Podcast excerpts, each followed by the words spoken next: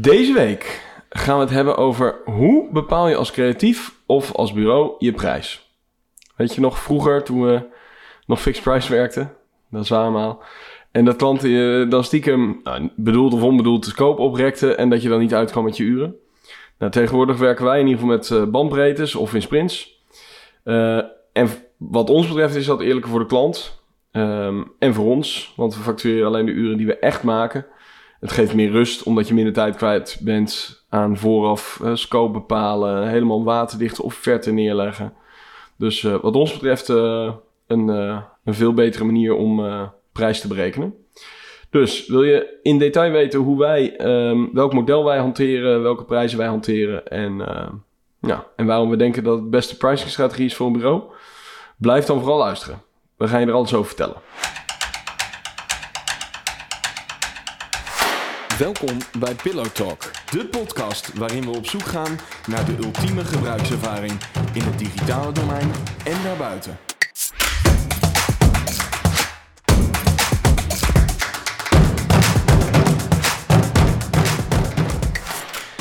En zoals elke week beginnen we altijd met de UX fuck-up van de week. En deze week is dat Apple Wallet. Ik had hier opgeschreven Apple Pay, maar het is eigenlijk Apple Wallet. En ik zag laatst toevallig ook iemand uh, er een rant over houden op LinkedIn. Dus het zijn, er zijn meer mensen die, uh, die er last van hebben. En ik heb hem ook meegemaakt. Ik wist niet dat het UX fuck-up ging worden, maar ik heb hetzelfde probleem. Dit is, ik denk dat er heel veel mensen dit probleem hebben. Zeker als je meerdere rekeningen bij dezelfde bank hebt, dan heb je, de, oh, dan heb je aan Apple ja. Wallet een vrij slechte. Um, ik heb die rant op LinkedIn ook gezien. Je hebt hem ook gezien, hè? Met de, met de oplossing ook. Oh, nou, oh, oh, oh, oh, oh, hou, die even. Hou tot aan het einde van de podcast. Ja, dat gaan we aan het einde van de podcast. We gaan de oplossing gaan aan het einde van de podcast. Iedereen doorspoelen. Echt leiers. Maar wat is het probleem? De fuck-up is. En ik weet niet zo goed of die. Ik denk dat die van Apple is, maar ja, denk eigenlijk wel. Uh, het probleem is. Ik heb in mijn wallet drie ING-pasjes. Virtuele pasjes waarmee ik uh, met mijn Apple Watch of met mijn I, uh, iPhone kan afrekenen. Het punt is um, dat als je Apple, uh, als je wil betalen, dan komen er dus drie oranje pasjes naar voren. En die zitten allemaal gewoon achter elkaar. Dus er is geen enkel ding wat die drie pasjes visueel onderscheidt van elkaar. En Apple dacht een beetje skeuomorphism op zijn plaats. Ja.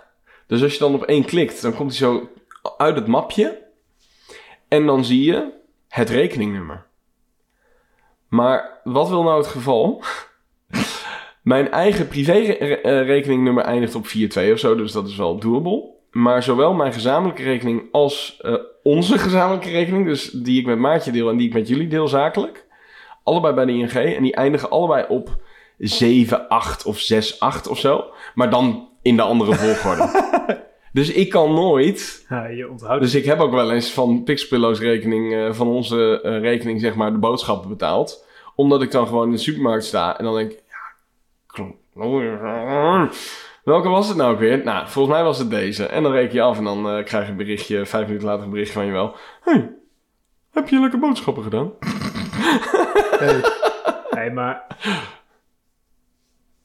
maar, maar je blamt nu Apple. Maar, ja. maar toen je vroeger drie passen in je portemonnee had, hoe deed je dat dan? Skeuomorphism? Ik weet, ik nee, weet hoe je... dat is heel makkelijk. Gewoon de volgorde wijze. Nee, op een pasje, op een ING-pasje, staat ook gewoon je naam. Ja, precies. Dan haal je hem eruit en dan zie Dus dan staat er Pixelpillow of uh, een Milan Maartje van Brugge. Dat is, dat, is, dat is zeg maar net even dat stukje informatie waar je het wel makkelijk mee uit elkaar kan halen. Ja. Maar bij ja. Apple hebben ze ervoor gekozen om alleen het rekeningnummer te laten zien. En dat werkt niet. Dus dan denk ik, ja, maar ook, ook, ook, nog, volgens mij is het ook zo dat helemaal, jij hebt dan drie ING-passen. Mm. Bij jou is het ook nog een soort balletje, balletje, balletje. Of, ja, want je ziet de rekeningnummers ook niet staan totdat je ze omhoog nee, haalt, toch? Je moet, echt, moet eerst... jij, moet ze, jij moet ze langs. Ik moet ze allemaal Ik kan nog switchen tussen twee ING-rekeningen. Ja. Nee, het is, het is vreselijk. Dus, um, uh, ja, goed. Ja, ik bedoel, ze ja. zouden, ze, wat ze al zouden kunnen doen is gewoon in ieder geval die naam erop laten zien. Dat lijkt me niet meer dan logisch. Mm -hmm. Dat zou het gewoon oplossen. Maar inderdaad, eigenlijk wat al irritant is, is dat je niet um, een, een visual clue hebt zonder dat je erop hoeft te tikken om een pasje te openen. Dus ik moet inderdaad, wat je wel zegt, een pasje naar boven halen. Uh, om überhaupt te zien wat het rekeningnummer is. Tot die tijd zie ik alleen drie identieke um, uh, oranje stripjes, zeg maar, ja. van de bovenkant van zo'n kaart. Je hebt er helemaal niks aan. Dus het is leuk bedacht, maar het werkt dus gewoon niet. ING had hier iets heel cools bij vroeger. Ik weet misschien ook wel andere banken. Gepersonaliseerde pasjes. Ja, ik had een vriend van mij die had die haai van Finding Nemo had hij erop staan. Ik heb ook een foto van, van Maartje op, een, op de gezamenlijke pak, pas bijvoorbeeld. Maar ja, dat nemen ze dan. Ja, dat is op zich ook niet zo gek. Dat lijkt me ook wel ingewikkeld. Maar dat zou ook een oplossing zijn. Dat je zelf in de Apple Wallet gewoon je pasje een beetje zou kunnen customizen, zeg maar. Maar je kan nu ook niet een foto zo uploaden van je bankpas in plaats van hun standaard ING-koppeling ding. Nee, want als je hem koppelt aan ING, dan krijg je gewoon zo'n oranje pasje in je Apple Wallet. Tijd voor stickers of zoiets, dat je de stickers zoiets. op je pas kan plakken. Ja. Maar goed, dus, dus dat is de, dat is de fuck-up van, uh, van deze week. Maar even onthouden, aan het einde gaat Gert-Jan de oplossing. Dit soort, nu, nu hoop ik dat het een beetje een goede oplossing is. Ja, ik twijfel of het de oplossing is. Ah, nou kom er dan toch niet meer mee, want anders wordt het zo'n deceptie. Iemand reageerde in die comments. Hebben dat gezien? Nee. En die werkte bij de Rabobank als UX-designer. Shit. Moet allemaal naar de Rabobank? nou, maar die zei dat ze bewust bij het ontwerp van de bankpas rekening aan het houden waren dat die zichtbaar was daarboven. Maar dat klopt dan toch helemaal niet. Als Apple gewoon een soort generiek. Maar misschien kan, zou de bank aan Apple iets door kunnen geven van dat het er zo uit moet zien, of is het voor allemaal hetzelfde? Weet ik niet. Volgens mij is het allemaal hetzelfde. Want als ik dus in mijn, uh, mijn pasjes nou kijk... Of ja, maar dan heb ik toch liever dat ik Apple Pay dan wel twee jaar eerder krijg... dan dat, die, dat ik hem extra makkelijk kan vinden als ik dan de keuze heb. Nee, absoluut waar. Nee, ik bedoel, het is natuurlijk sowieso alles wat we hier nu bespreken in fuck-ups, fuck-up ja, land. Het verschilt wel hoor, want ik heb uh, ING en ASN. Kijk, en de logo en zo zit wel echt allemaal op een heel andere plek. Ik weet niet of je dan... Ja, maar er zit het dynamische gedeelte ook op nee, de rekeningnummer zit bij allemaal helemaal onderin. Ja, nou, dus, dus dan, dan werkt het alleen als je drie verschillende banken hebt. Ja, want dan kun je het op die manier uit elkaar houden. Ja, dat heb ik dus. Ja, nou, good for you. Liar. nou, en ik ben dus heel consistent gewoon ING-bankpasjes uh, verzamelaar. Maar uh, dat, uh, nou, dat is hier fijn niet anders. Nou, en door. Um, heb jij nou ook een, uh, een, een soort gelijke ervaring? Of heb jij misschien een hack of een oplossing waarmee we dit kunnen fixen? Dan uh, vertel me alsjeblieft, want je, je maakt mijn leven een heel stuk makkelijker mee. Mijne dus ook. En die van Joël dus ook. Uh, heb je een suggestie? Stuur die naar pillowtalk.pixelpillow.nl uh, En vergeet ons niet te volgen op Instagram, pillowtalk, de podcast. En blijf je op de hoogte van de laatste aflevering. Uh, we gaan het dus hebben over hoe je als creatief als, of als bureau je prijs bepaalt. Wij doen dit al een tijdje, maar zelfs wij zijn er nog, nog wel een beetje mee aan het stoeien. Um, de eerste stelling. Fixed price is geen haalbaar prijsmodel voor een bureau. Wie wil? Ja. Hmm. Hmm. Hmm. hmm.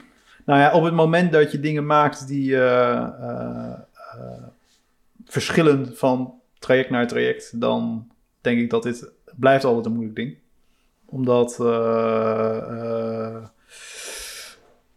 de moeilijkheid zit er natuurlijk altijd in, en dat merk je altijd in het traject. Dat je, er zijn verschillende mensen die hebben alle twee een idee van wat het aan het einde van dat traject moet gaan worden. Mhm. En hoe langer je samenwerkt en hoe meer je erover praat, hoe meer dat op dezelfde lijn komt. Uh, en meestal in een fixed price uh, model heb je dat al moeten afspreken voordat je op dat punt bent dat je compleet gesynct bent. Ja. En dat maakt het heel lastig. En dat is ook echt niet in het belang van de eindgebruiker en ook niet in het belang van de klant. Het is eigenlijk voor niemand is het heel gunstig. Nou ja, je, tenzij je alleen maar aan geld denkt, dan zou je kunnen zeggen dat het voor een klant die op de centen zit gunstig is. Maar dat is dan een beetje short-term ding.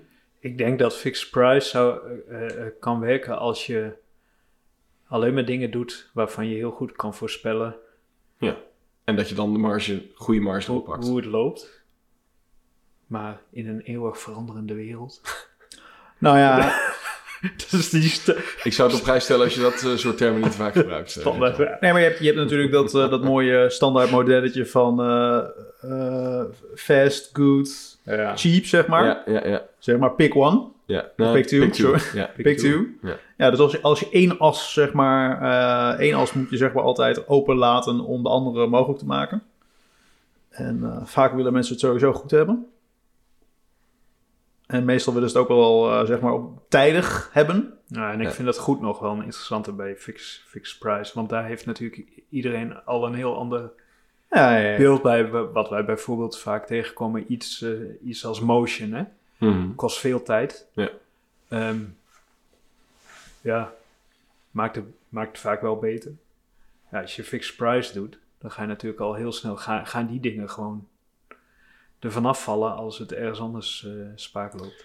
Zouden er ook bureaus zijn die wel fixed price werken, maar dan zo schofterig veel marge erop drukken dat ze dat soort dingen wel allemaal bij in kunnen doen? Nou, dat is een mooi voorbeeld. Uh, ik weet niet hoe het werkt hoor, maar wat ik heel interessant vond om te zien was wij keken naar een website die gemaakt was door Beeld in Amsterdam. Hè? Dat mhm. doen we af en toe. En, mhm. en, en, dat zijn mooie websites, maar wij zien nog wel eens wat, uh, wat usability issues. Mhm. Maar toen zag ik dat ze hebben gewoon een dark mode gebouwd in die website. Er zit een toggle in. Ja. Dan denk ik, hoe verkoop je nou aan een klant dat je daar tijd in stopt? Ja. Dat vind ik gewoon heel interessant. Dat kan haast niet anders dan wat jij zegt. Dat ze zo ruim... Of dat ze het voor de hobby doen. Ja, maar zou, zou nou, misschien kent iemand die daar werkt en die dat voor ons kan navragen. Ja. Maar zou, zou, er niet, zou het niet meer onder de noemer branding worden geschaard bij zo'n project? Ja, ik heb wel interviews met hun gelezen. zij, zij zien het veel meer als long-term branding, branding ding. Maar ik vond het wel apart, want die toggle zat ook nog best wel verstopt in een soort settings menu. Dan denk ik, nou, dan moet je dus al een niveau diep, dan moet je dat aanzetten. Ja, zat hij, niet gewoon, hij zat er gewoon een homepage in die menubalk. Had je het voorbeeld wat jij uh, nee, volgens mij zat hij onder de settingsknop oh, in het menu. Ik had hem... Ah, dat zouden we even moeten testen. Ja, maar goed, ja, dan nog. Ik bedoel, het is inderdaad best wel... Ja... het is wel gewoon een... een Stel nou dat het niet fixed price was. Hè? Ze hebben x sprints afgesproken. Misschien waren ze heel snel klaar. En dachten ze toen van, nou, we hebben de sprint nog niet voor. Dan gaan we nog even een dark mode uh, bouwen. Ja.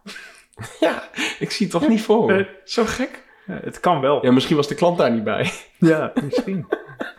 dat zullen we nu eens gaan doen. Nee, maar goed. Ik kan, ik, de enige reden die ik me kan bedenken is inderdaad dat je dat dan um, doet vanuit een soort van branding perspectief. Want functioneel denk ik dat je er heel weinig mensen echt een heel enorm plezier mee doet.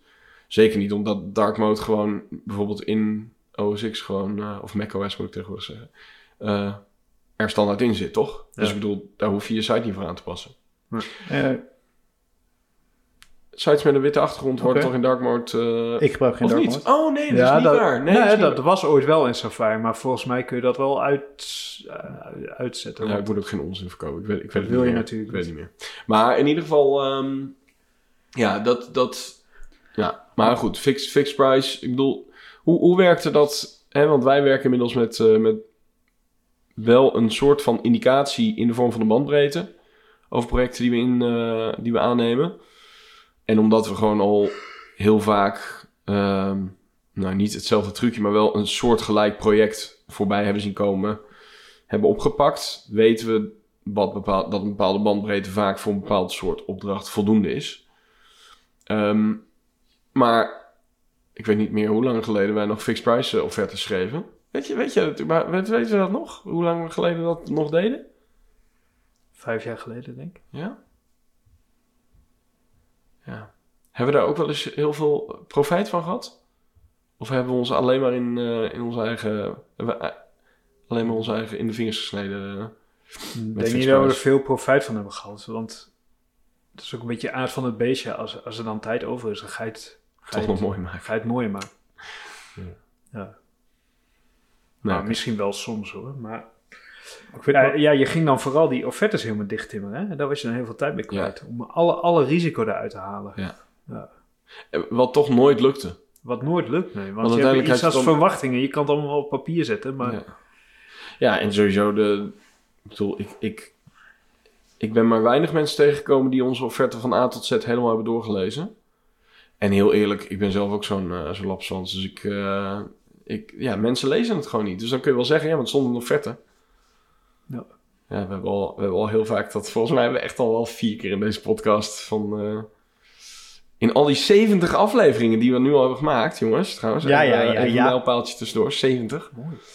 Um, hebben we toen wel eens dat voorbeeld aangehaald van iemand die het vergeten was te lezen in de offerte dat we het, uh, dat we het XB2 hadden geoffreerd. Ja. Nou goed, dat, uh, dat soort dingen. Ja, als je dingen niet leest, ja, dan kun je wel een verwachting willen scheppen. Maar ja, als mensen het niet lezen en daar niet van, van uitgaan, ja, dan heb je daar helemaal niks aan. Nee. Dus dan krijg je, toch de, krijg je toch weer op je bordje. Is het niet nog leuk om even dat en niet in het klantbelang uit te diepen? Want dat vind ik ook wel een hele belangrijke. Kijk, het is niet dat we, wij, wij, wij zeggen niet dat uh, klanten ons uh, carte blanche hoeven te geven en dat je exorbitante facturen, zeg maar, de achteraf gaat krijgen. Maar er zijn wel echt gewoon een aantal dingen die, die ook de weerslag op het eindproduct natuurlijk hebben op het moment dat je wel heel rigide, zeg maar, hier, hierin bent. Ja, nou ten eerste, volgens mij is het belangrijkste is omdat je vooraf nog niet alles weet. Hè, dan mhm. heb je het uh, nog niet over de hill bent, zeg maar, die hill chart waar we het misschien ook wel eens eerder over hebben gehad. En voor als je dat niet hebt meegekregen, nou ja, eh, er is zo'n, uh, de hill chart, uh, van wie was het ook weer jongens? Ik praat ook gewoon. Basecamp heet het ja. tegenwoordig. Nou, je weet gewoon, als je aan de voet van de heuvel staat, weet je nog niet wat, je, wat er aan de andere kant is. Dus als je dan hebt over bijvoorbeeld features van een site of een webapplicatie, dan zie je misschien wel aan de, hè, de voet van de berg wat er voor je ligt. En je kan misschien ook al een beetje inschatten wat er uh, op de weg naar boven uh, wat je tegenkomt. Er zijn altijd dingen die je niet ziet, omdat die gewoon, daar moet je voor op de berg staan om er overheen te kunnen kijken. Nou, dat, dat uh, weet je dus pas als je bij wijze van spreken halverwege een, een, traject bent. en bij fixed price dwing je eigenlijk om ook fixed koop te denken. En dat zorgt ervoor dat je dus dingen vast gaat zetten. Waardoor je dus misschien dingen vastzet die helemaal niet uiteindelijk de beste oplossing uh, uh, bewerkstelligen voor een, voor een klant en voor een eindgebruiker. Dus dan snijdt een klant zich altijd in de vingers, omdat je gewoon misschien gewoon een, een suboptimaal product aan het neerzetten bent. En omdat een partij die fixed price rekent, ja, niet meer daarvan af gaat wijken, omdat die gewoon heel erg vasthoudt aan die scope, om het maar gewoon voor dat bedrag te doen kun je dus niet meer bijsturen. Nou ja, dat is wel... Uh, ja, ja en, en, en ik denk daarbij dat er ook vooral in het einde van zo'n trajecten is vaak ook gewoon de... de uh, dat, als dan nog even iets moet gebeuren, dan gaan mensen daar corners kutten natuurlijk als je, niet, uh, als je er niet strak op zit. Als je zegt, maar ja, oké, dat moet allemaal op die manier, maar dan, dan staan de mensen natuurlijk een beetje onder, onder, onder druk en dan wil iedereen wil graag... Dat gaat meestal nog niet zozeer om om uh, geld, zeg maar, maar vaak wel om planning van dingen. Mm. Als een project opeens uh, uh, een paar dagen langer duurt, ja, dat maakt in de grand scheme of things nooit zo heel veel uit. Maar als er wel gewoon iets anders zit wat er ook al moet gaan lopen, dan wordt het zeg maar problematisch. Nou, wat je ook hebt is dat als je die shortcuts neemt, dan heb je dus lange termijn heb je ook een hogere investering. Want je, ik bedoel, linksom of rechtsom, je gaat dat ergens of tegenkomen waardoor er een soort van rework moet gebeuren. Nou, dat krijg je toch uiteindelijk gewoon weer op, als klant op je bordje. Um, al is, of het nou onder het mom daarvan is of uh, gewoon verdisconteerd in iets anders. Dus het, ja, het werkt, het werkt volgens mij gewoon. Um, het is gewoon te korte termijn, zeg maar. Je, je, dat, daarom zeg, hoor je ook steeds vaker trouwens veel bureaus zeggen dat ze digital partner zijn en hè, dat het steeds minder een leveranciersrol wordt. Um, ja, dat je, je, gaat, je stapt er samen in met de beste intenties. En uh, ja, het voordeel van niet fixed price werken is dan dat je gewoon uh, gaandeweg kan bijsturen en uh, andere prioriteiten kan, kan zetten. Ja. En um, oké, maar in ieder geval voor ons, ik denk dat er weinig. Ik denk dat er heel. Dat er, ik, ik denk dat je weinig bureaus zal vinden die nog zeggen: oh, wij werken het liefst fixed price. Ze zullen er vast nog wel zijn. Misschien wat kleinere bureautjes. Nou ja, als je denkt naar de stelling 2 toe gaat, toch? Ja, dat was, uh, dit was mijn bruggetje. Oh. Bedankt uh, voor het kapot maken ervan. Maar als je het dan hebt over standaardoplossingen. Um, de tweede stelling is voor standaardoplossingen is nakalculatie niet slim. Nou, ik denk dat het trouwens wel moet zijn gestandaardiseerde oplossingen. Nou, leg de, de nuance even uit. Nou, een standaard oplossing is, heeft, zie ik als iets wat een soort SaaS-product... waar ik mm. mezelf aanmeld online, waar ik mijn eigen projectmanagement software inricht. Ja. En een gestandaardiseerde oplossing is een uh, internetbureau... wat voor 2500 euro een website zeg maar, maakt. Die heeft gewoon 10 bouwblokken. Die kunnen ze in jouw kleurtje met jouw logo neerzetten. En dan is dat het. Ja. Die wordt wel gewoon, dat wordt wel Precies. op maat voor jou in elkaar gezet. Ja. Ja, want dan, want dan kun je het soort van, of het dan, nou dan is het misschien ook fixed price. Maar dan, omdat het gewoon een, ja, een blokkendoosje is, die niet zo heel complex is, is het dan, nou ja, is het te overzien en, en ga je niet zo vaak over de uren heen. Is dat dan de... Dus de gestandardiseerde oplossing heeft minder eh, complexiteit, of in ieder geval minder variatie in de oplossing zelf, zeg maar. Waardoor je het nou, voor een vast bedrag kan aanbieden. Ja, en nou, nou, de verwachting is denk ik de- ook heel de- belangrijk. de- de- ja, de verwachting is belangrijk. En er zijn geen unknowns. Dat is het vooral voor mij. Ja. Als jij bijvoorbeeld... Stel dat je een blokkendoos hebt, je pakt een slider. Ehm, nou, Ja, je, die weet gewoon, je, ja. je weet gewoon, dat ding zit technisch al in elkaar. Daar, daar kan, kan echt niet meer veel mee misgaan als je een paar kleurtjes verandert. Terwijl als je maatwerk maakt, dan moet je alle mogelijke situaties... Oh, wat doet dat ding dan op mobiel? Wat doet hij daar dan? Dat is heel moeilijk vooraf allemaal uit te tekenen. Ik heb een leuk voorbeeldje, Gert-Jan. Ja. We hebben een slider, die hebben al in misschien 20 projecten. Het is gewoon een algemene slider. Hè? Die wordt ergens extern, wordt die gewoon ontwikkeld. Dat is open source. Ja. Kwamen we bij een project, nou ja, wat ik zei, misschien al wel 20, eh, 20 keer gebruikt, die slider. Die eh, werkt niet met een oneindige loop op het moment al dat er een even, of dat er meer slides in beeld zijn dan, eh, dan dat er dubbel in de slider zitten. Ja, ik kan, het Wat? uitleggen is al moeilijk. Wacht, wacht even, hoor. dus als er vijf ja, slides ja, ja, zichtbaar zijn en je hebt er elf, Ja, dus dan werkt hij. meer dan Maar als je, als je de 9 hebt, niet. Ah. Omdat die- die clone, Ja, zeg maar- zich, eigenlijk is het ook wel logisch. Ja, nee, ik bedoel. Het zijn, Nou ja, compu- het zijn computers, het is logisch. Maar eh, ja, Wel vervelend. ja, dat is best wel vervelend. Dat is, denk je, ja, hoe moet je daar nou achter komen? En als je natuurlijk je standaard slidertje hebt waar je altijd maar één ding doet. En dit was natuurlijk weer fancy met de animatie dat ze van voor naar achter vlogen, bla bla bla bla. Ja, Ja, du- dus dat is volgens mij vooral wat dan het verschil maakt. Je, je weet wat je aan het doen bent. Ook vaak als je UX-patterns en zo aan het ontwerpen bent. En je, en je kunt op conventies leunen die al bestaan. Dan kan je Hmm. een voorbeeldje zoeken. Dat is, dat is vrij simpel. Maar als je iets totaal nieuws aan, aan doen bent, dan weet, je, dan weet je natuurlijk niet hoe lang je erover gaat doen. Hoeveel tijd het kost om te bouwen. Ja, en, en het punt is dat als je ehm, iets maakt wat gestandardiseerd is, ehm, met elke implementatie, met elke keer dat je dat doet, word je er waarschijnlijk ook beter in en Ja, sneller. want- Ja, ja, en ook wat Joël eh zegt, eh, zo'n fout in zo'n slider. Ja, die fix je dan. Dat kost misschien tijd. Maar dat is minder erg, want je gaat dat ding toch nog heel vaak Ja. hergebruiken. Ja, dus, exact. Dus dan Ja. kan, je, kan je die kosten ook een beetje op eigen konto misschien voor een deel. Ja. Ja, en dan is dus nakalculatie echt een heel slecht idee. Want je doet het vaker, je wordt er sneller in, maar je krijgt minder betaald. Als je daadwerkelijk je uren zou berekenen. Mhm. Ja. Dus in dat geval is een fixed price eh, model juist slimmer. Zou je kunnen zeggen. Ja, en daarom doen veel eh, bedrijven dat ook, hè, die, die, die blokkendozen maken. Ik denk dat het idee vaak ook wel is van daar investeer je een keer wat meer in. En daarna ga je elke keer meer marge erop, eh, zodat je da- die investering terugverdient. En nog een beetje meer. Nou ja, en wat ik net zei over die verwachting, ik denk dat het ook een heel belangrijk ding is. Als jij voor, als jij als klant iets afneemt en dat is een soort, eh, ik neem aan dat het dan ook aangeboden wordt als dit is een soort algemeen template of Mhm. een algemeen ding wat we maken voor loodgieters of zo. Dan, zitten, dan weet de klant ook, oké, binnen dit project, binnen dit template kan ik dingen doen. Of binnen deze blokkendoos wil ik het liever niet noemen, maar... En, da- en daar ben ik dan wel benieuwd naar of dat echt, of dat echt zo is. Of dat klanten dan denken, ja, maar je kan toch gewoon even dat erbij doen. Nee, maar bedoel, dan, dan heb je wel een hele. eh, kijk, in, in, vaak in ons geval, alles kan. En daar heb je natuurlijk wel, ik bedoel, dit is het standaard ding. Als je daar buiten gaat, dan.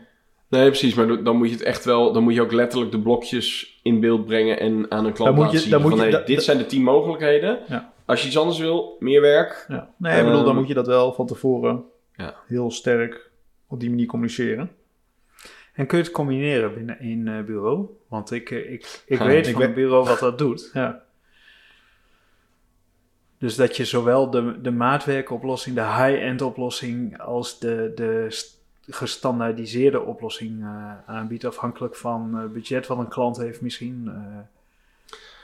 Ja, het lijkt mij wel heel... Ik zou het zelf niet zo heel snel doen, want het lijkt me... Het zijn ten eerste twee totaal andere markten. Ja. ja, andere culturen, Andere cultuur, dus je hebt er andere medewerkers voor nodig waarschijnlijk voor je Ja. bedrijf. denk ik ook. Je hebt andere klanten. Je je hebt dus ook andere uh, marketing en sales nodig. Ja. Of in ieder geval andere marketing, want je richt je op een andere doelgroep.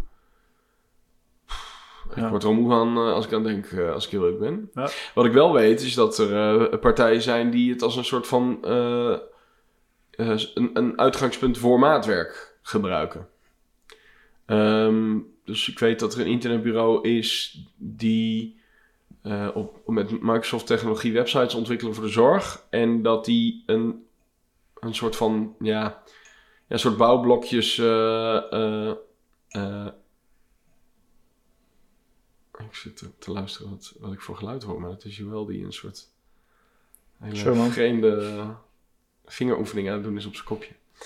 Maar, sorry, ik ben snel afgeleid. Maar die, die hebben gewoon een soort bouwblokken die, die, waarmee ze gewoon de, de markt opgaan als zijnde. We maken maatwerk voor je. Eh, maar dit zijn zulke standaard modules, die hebben we gewoon op de plank liggen. Dus die gebruiken het meer als een soort argument van...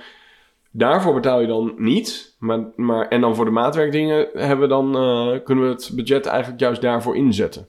Ja, hebben wij ook wel eens over gehad. Hè? Om de, om de effort vooral in de, in de onderscheidende dingen te steken en, en niet in, in, in de 13 in dozijn dingen die elke website. Uh, nou, dat doen we natuurlijk met UX, uh, met UX-fase doen we dat vaak toch al. Dat we, ja. als we die Dan drie... richten we ons op de, op de toptaken, Ja. de topjobs. En, Ja. ja. ja, je hebt gewoon van die dingen. Kijk, uiteindelijk, je kunt van alles iets bijzonders maken, natuurlijk. Ja. Maar je hebt ook gewoon een budget waarbinnen je moet werken. Dus een FAQ moet je misschien niet elke keer opnieuw eh, op een andere manier doen. Dat soort dingen zijn er wel. Nee, tenzij je dus zoals een Built in Amsterdam helemaal op eh, branding gaat. En Ja. dan kan ik me voorstellen dat je daar... Ja, dan wil je een heel bijzondere FAQ Dat je misschien ja, iets kan. heel, heel ja. anders daarmee wil gaan doen. Ja, dat klopt. Maar goed. Oké. Ehm, ja, en ik weet niet of jullie hier nog iets anders over kwijt willen. Want eh, stelling 3 gaat natuurlijk over, nou ja, waar de meeste bureaus volgens mij nu zijn of naartoe aan het bewegen zijn. Sprints. Ehm, stelling 3 is, sprints zijn de heilige graal voor bureaus. Ehm, nou ja, sprints is voor de mensen die het niet kennen eh, de term voor een soort voor agile werken, waarin je binnen een aantal eh, weken, vaak twee of drie weken, is het volgens mij bij de meeste bureaus, eh, nou, aan een product ontwikkelt. Eh, design, vooral development ook vaak. eh. en eh, wij zijn natuurlijk steeds meer richting webapplicaties aan het bewegen qua wat we, wat we het liefst doen. En merken dat dit ook steeds meer, nou, dat dat daar gewoon heel goed bij past. Nou, wat je net eigenlijk al zei, ja, het is gewoon heel moeilijk om vooraf iets in te schatten. Ja, als je een corporate site hebt gemaakt, dan kun je nog wel zeggen van, nou ja, oké, de volgende corporate site lijkt in enige zin nog wel op, de, op die je daarvoor hebt gedaan. Eh, heeft een FAQ, heeft een blog, heeft een contactpagina, bla bla. Maar een webapplicatie, ja, dat, dat is toch wat moeilijker in te schatten over het algemeen. Ook in verband met technische koppelingen. En er zit gewoon, dat is over het algemeen net iets complexer. Dus daar, daar zijn volgens mij wij steeds eh, meer naar sprints aan toe bewegen. En volgens mij zijn een heleboel bureaus dat ook al aan het doen. Ja. Maar is, het, is, is dit het? Gaan we, ik bedoel, ja. Nou ja, buiten dat het voor de klant, zeg maar, eh, denk ik op lange termijn goed is. Het is natuurlijk qua sales en operationeel is het veel makkelijker. Hm.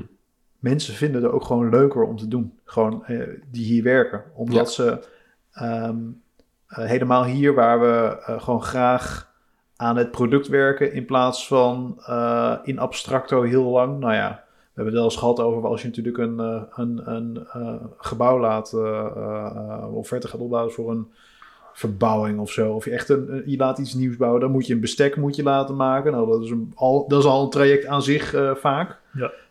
Kijk, in, in zo'n sprint heb je ook de mogelijkheid om heel kort te schakelen met iemand binnen de organisatie die daar als product owner eh, er iets van vindt. De relatie met de klant is ook, ik vind het persoonlijk, maar ik hoor het van mensen ook, is gewoon heel anders, veel leuker. Je, zit Ja. ve- je hebt veel meer interactie, je hebt veel meer mogelijkheden om, ehm, om in het proces nog bij te sturen in plaats van dat er ergens wat bepaald wordt.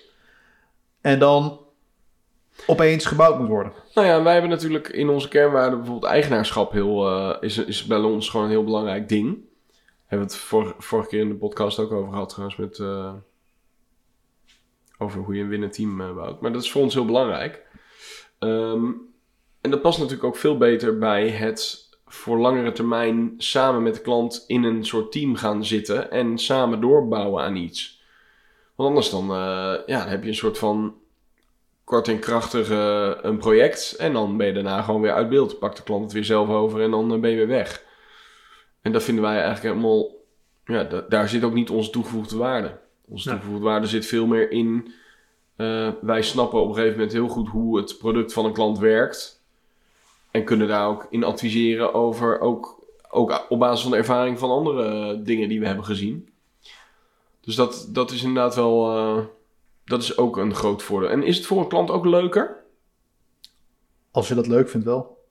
Nee, maar ja, nee, dat is inderdaad wel een goede er, er zijn klanten, wij hebben klanten waar er iemand uh, uh, die rol van product owner goed kan innemen. omdat ze ten eerste daar intern ook tijd voor hebben. Dus mm. daar wordt intern tijd voor gemaakt. Omdat ze zelf heel uh, betrokken of heel bekend zijn met het uh, proces wat zo'n klant doormaakt. Wat nodig is om dat proces te kennen. Er zijn ook mensen die gewoon er wat verder van afstaan. En waar er niet iemand is die zo'n helikopterview he heeft over hoe er geïnteracteerd wordt met dat digitale product. Die vinden het denk ik wel een beetje spannend. Ja. Uh, en die, of die willen dat misschien helemaal niet. Of die willen veel liever dat er van tevoren nagedacht wordt over een alomvattend verhaal. Zodat ze dat uh, in de organisatie uh, kunnen laten zien. En dat iedereen zijn plasje erover doet en zegt van nou zo gaan we doen. Ja. dan dat ze zelf daar de knoop over moeten doorhakken. Want ja, dan ben je opeens verantwoordelijk.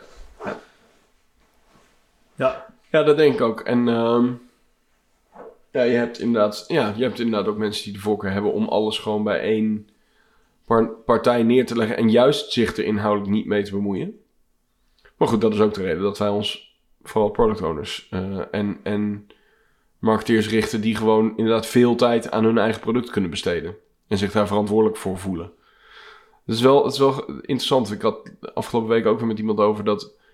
Ik zeg dat wij richten ons op product owners, maar eigenlijk richten wij ons op mensen die het profiel van een product owner hebben. Dus die, eigenlijk gewoon mensen die zich heel erg betrokken voelen, eigenaar voelen van het product waar ze mee werken. Mm ja. Het is niet altijd een product owner, maar wel vaak. Ja. Dus dat is wel uh, dat is de nuance daarin.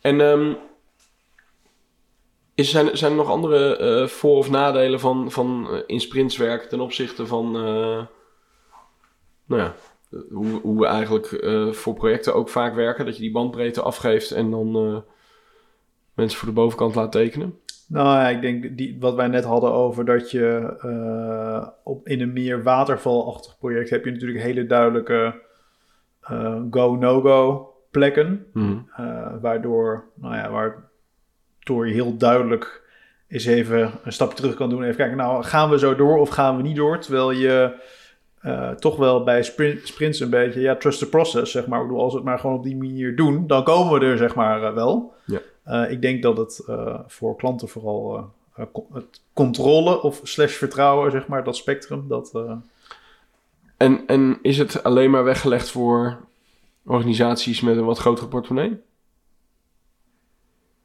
Want je committeert je niet op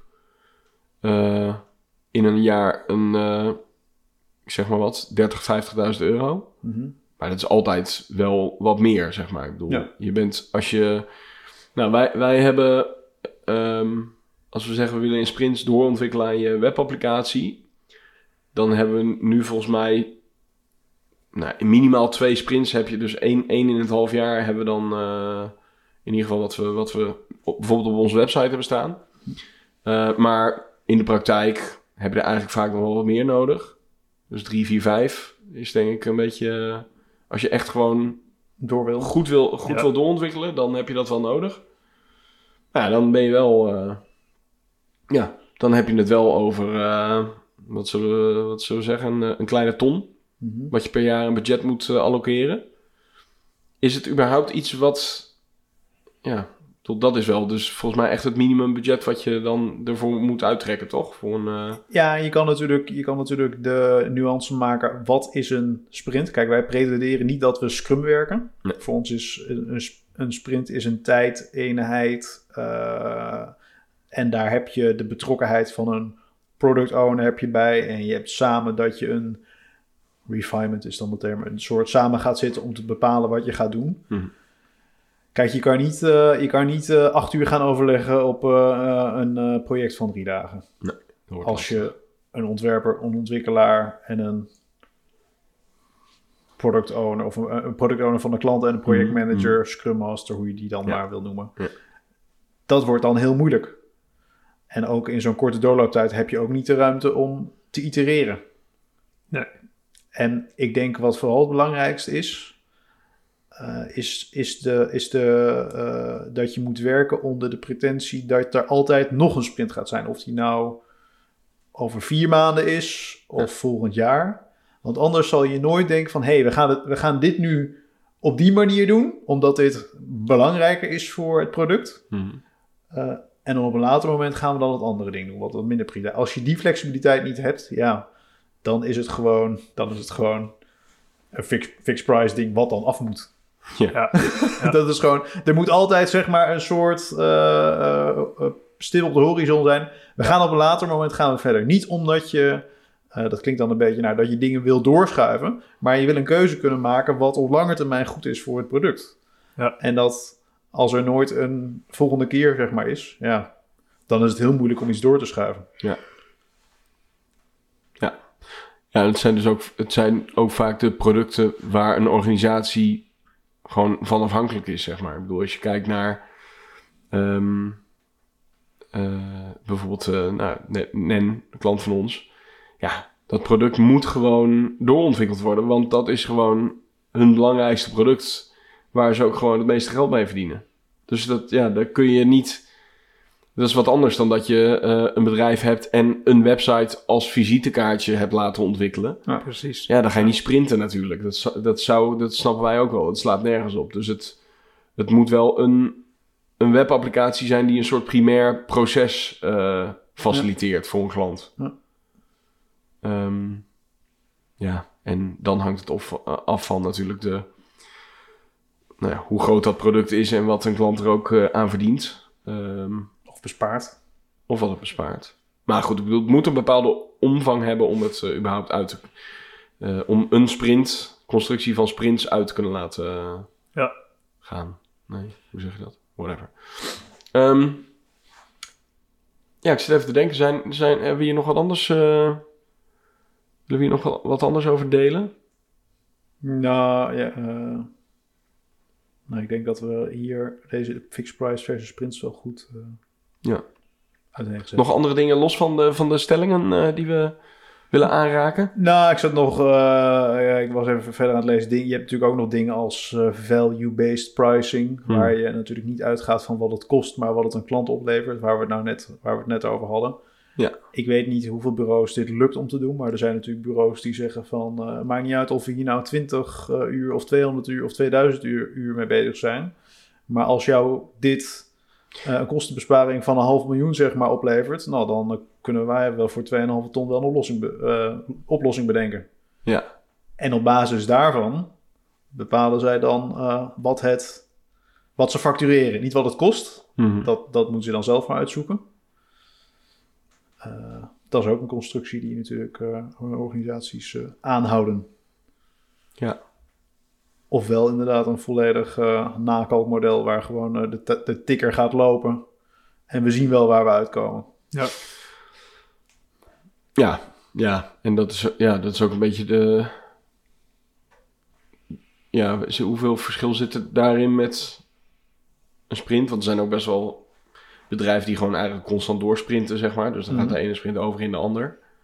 Nou, ik denk wat een heel belangrijk onderdeel bij een sprint is dat je wel. eh, eh, in de grand scheme of things heb je niet per se een kop en een staart. Maar je hebt wel. Je begint met een sprint en je eindigt een sprint. En Mhm. daarbinnen geeft een team commitment. Dit gaan we doen. Ja. Dat vind ik heel anders dan dat jij maandagochtend dat je ergens gaat zitten. Ja, en je evalueert het ook, toch? Die, daar zijn ja. refinement sessies ook voor, toch? Ja, daar moet je... Je, je gaat wel kijken van... Um, zodat, zodat je ook leert van... Uh, van wat je als team ongeveer aan, aan snelheid kan maken, toch? Dat is ook het idee wel een beetje. Ja, ja. Ja, want inderdaad, date sharing, dan ga je gewoon op maandag... Nou ja, dat is trouwens niet waar. Ik bedoel, mensen, dit, dit moet niet een verhaal worden over dat je dan uh, gewoon ergens maar gaat zitten en uh, je uurtjes schrijft. Ja, maar het is wel zo dat als je daar niet uh, processen voor hebt ingericht, dan wordt het dat op een gegeven moment wel natuurlijk. Als je dat nooit evalueert mm. of kritisch kijkt naar hoe lang je over dingen doet, dan, dan wordt het op een gegeven moment gewoon. Nou ja, wat je opgeleverd hebt. Kijk, ik bedoel, al die andere dingen zijn dan nog tot daaraan toe. Maar als er als je maar gewoon gaat zitten zonder enige. Hier gaan we naartoe op een hele nou, uh, korte termijn tijdlijn. Ja, korte tijdlijn. Dan uh, vind ik dat wel een substantieel verschil ten opzichte van uh, dat je zegt in twee weken gaan we dit doen. Ja, precies. Ik bedoel, ik weet zeker dat als mensen dat hier zo doen, dan maken ze zich daar ook echt nou, niet druk om. Maar dan gaan ze ook alles doen om dat zo mogelijk te maken. Ja. Ja, precies. Dat is ook nog wel interessant. Dat het ook motiverend werkt om die kop en staart te hebben mm in zo'n sprint. Mensen vinden het ook lekker, denk ik. Ja. Toch? Je ja. is gewoon schip. Ja. ja, maar je kunt ook uh, ergens naartoe. Uh, Even vlammen. Ja, deadlines werken gewoon wel uh, vaak. Ja. ja. Oké, okay, cool. Nou, voor ons, nou ja, heilige graal. Wij, wij zijn wel echt, ja, Zeker, uh, zeker met de overgang naar steeds meer naar webapplicaties uh, merken we dat dit een uh, toch de, de goede manier. En inderdaad, nuance is belangrijk die je wel maakt. Geen, geen Scrum, wel Agile. Um, nou ja, de werkwijze die we gewoon hanteren natuurlijk in ook die je natuurlijk op onze website terug kan vinden. Oké. Um, volgens mij zijn we eruit. Um, zijn we iets vergeten? Heb je meegeluisterd en denk je, nou, dit, uh, ik ben het er wel of niet mee eens? Vinden we altijd leuk om te horen. Je kan ons mailen op uh, pillowtalk.pixelpillow.nl. Vergeet ons niet te volgen op Instagram, pillowtalkpodcast. Dan uh, blijf je op de hoogte van de laatste afleveringen. En de vraag van vandaag, welk pricingmodel gebruik jij als nou, bureau of, of als je freelancer, ZZP'er bent... Hoe, hoe, ga jij met pricing om uh, richting je klanten? Uh, zijn we wel benieuwd naar. Um, bedankt voor het luisteren en tot de volgende. Doei.